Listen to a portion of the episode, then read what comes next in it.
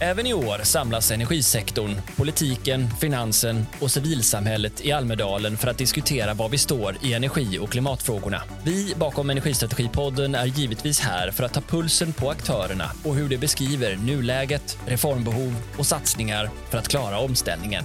Kul att ha dig med!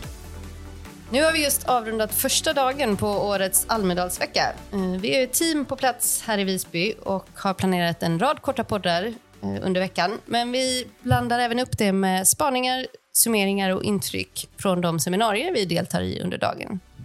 Eh, mitt namn är Hanna Tengelin och runt bordet idag har jag med mig Katja Lindblom och Arne Bergvik, konsulter på Sigholm. Eh, Katja, vad har du tagit med dig idag?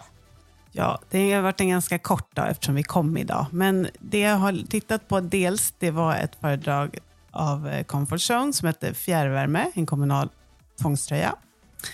Eh, det var ett seminarium som blev ganska motstående sidor av diskussionen där fjärrvärmen och eh, värmepumparna ställde sig på varsin sida. Och jag tycker generellt att det är lite tråkigt för jag tycker att både fjärrvärme och värmepumpar kommer att ja, spela en viktig roll i energisystemet i framtiden. Så att man ska använda rätt på rätt plats istället för att diskutera vilken som är sämst av de båda, vilket lite det utmynnade i. Mm.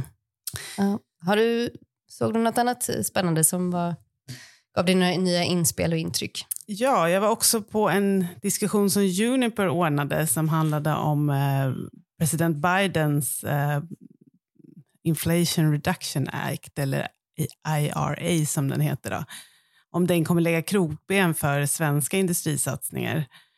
Eh, och där var det en panel som sa att Eh, ja, man var framförallt positiva till att USA också satsar på den gröna omställningen. Ehm, man sa väl också att det finns väl risk för vissa branscher, som till exempel biltillverkning då, som är särskilt utpekad i den här. Det kan ju också bli konkurrens om arbetskraften om, om en ett land har mycket mer pengar än alla andra att betala folk, så, så är det klart att då kanske folk väljer det landet som har mer pengar. Generellt sett så är det ju svårt för Sverige som ett litet land att, att liksom hålla på och subventionera på samma sätt som ett stort land som USA. Så att jag vet inte om vi tjänar heller på, sa panelen. Um, de vet, sa att man tjänar inte på kanske att, att man börjar subventionera på samma sätt i Europa då, för då kanske Sverige halkar efter i Europa istället. Mm. Man såg också en positiv del i att det kommer de här koldioxidtullarna, eller CBAM, då, som kommer att skapa lite fördelar för, svensk, eller för europeiska eh, produkter.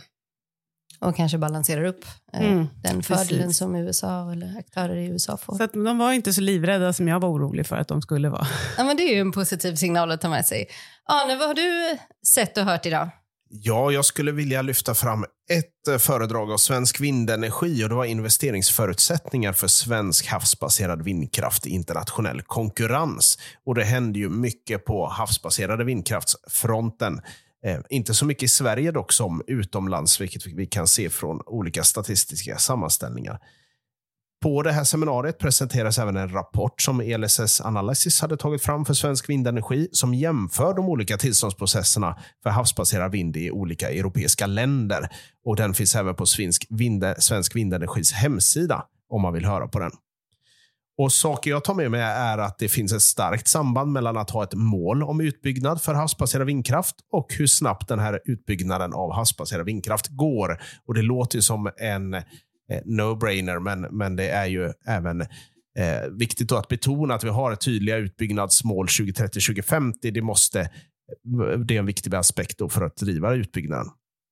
Och Det finns väl tre olika system egentligen för att eh, allokera havsbaserad vindkraft. Det, ett, det största då det är auktionering och eh, sedan finns det olika administrativa till, tillstånd då, där Sverige har en typ av administrativ tillståndsprocess Samtidigt som auktionering är det största sättet då att allokera plats för vindkraft då till havs.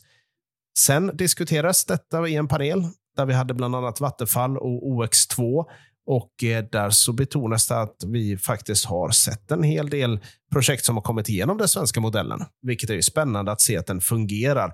Men det betonas också att det finns ett stort ansvar för en helhet här. Vi måste ha, bygga ett system tillsammans. Det är inte ett enskilt kraftslag utan ett system som byggs och vem då som ska äga transmissionsnätet där det var tydligt att helst ska staten vara ägare av transmissionsnätet.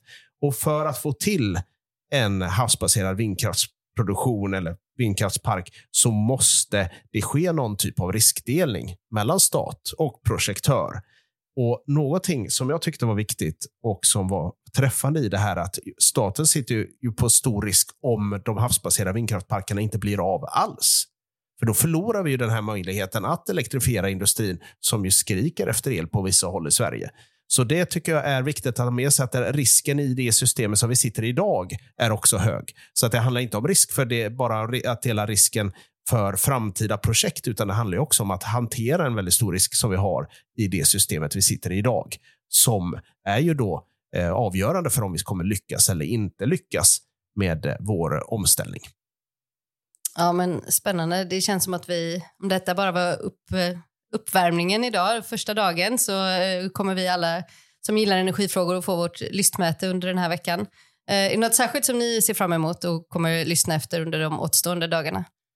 Ja, för mig är det fyra punkter i alla fall. Den politiska, att få höra då vad politikerna har, om, om det är mycket som har utvecklats sedan vi pratades vid senast på Almedalen och eh, de punkter vi hade då som ju var ett valår och en, ett väldigt polariserande eh, debattklimat. Sen är det de legislativa ramverken, hur de tolkas av olika aktörer och vad reaktionerna är på de nya eh, olika legislativa aspekterna på den omställning som vi har. Sen lite allmänna bilden och stämningen som jag tycker är viktig. Vad är det egentligen för moral eller vad är det egentligen för, för, eh, för positivism eller så som råder i sektorn och hur tänker man sig om de här 340-330 terawattimmarna konsumtion 2045? Kommer det bli av eller kommer det inte bli av? Och, och ser det bättre eller sämre ut jämfört med till exempel ett år sedan? Och sen givetvis träffa gamla och nya bekanta. För det är ju väldigt roligt också att eh, utbyta idéer och tankar med så många kompetenta människor på samma plats.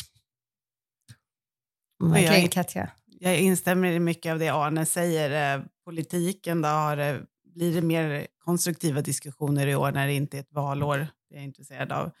Sen är det ju generellt hur eh, vår bransch, energibranschen, påverkas av den stora omställning som pågår. Bland annat det sena nu, senaste nu är ju de enormt ökande bränslepriserna både på avfall och biobränslen och hur branschen ställer sig till det. Det är också intressant att höra hur våra kunders kunder tänker, alltså fastighetsbolagen som står också inför stora förändringar. Eh, ja, det var väl framförallt de sakerna jag tänkte på. Ja, men spännande. Eh, vi ska ta och avrunda det här, tänker jag. Eh, för det är trots allt en, en uppvärmningspodd och vi har fyra fullspäckade dagar kvar framför oss. Eh, stort tack, Katja och Arne, för den här lilla pratstunden. Så hörs vi på nytt eh, senare. Det gör vi. Mm.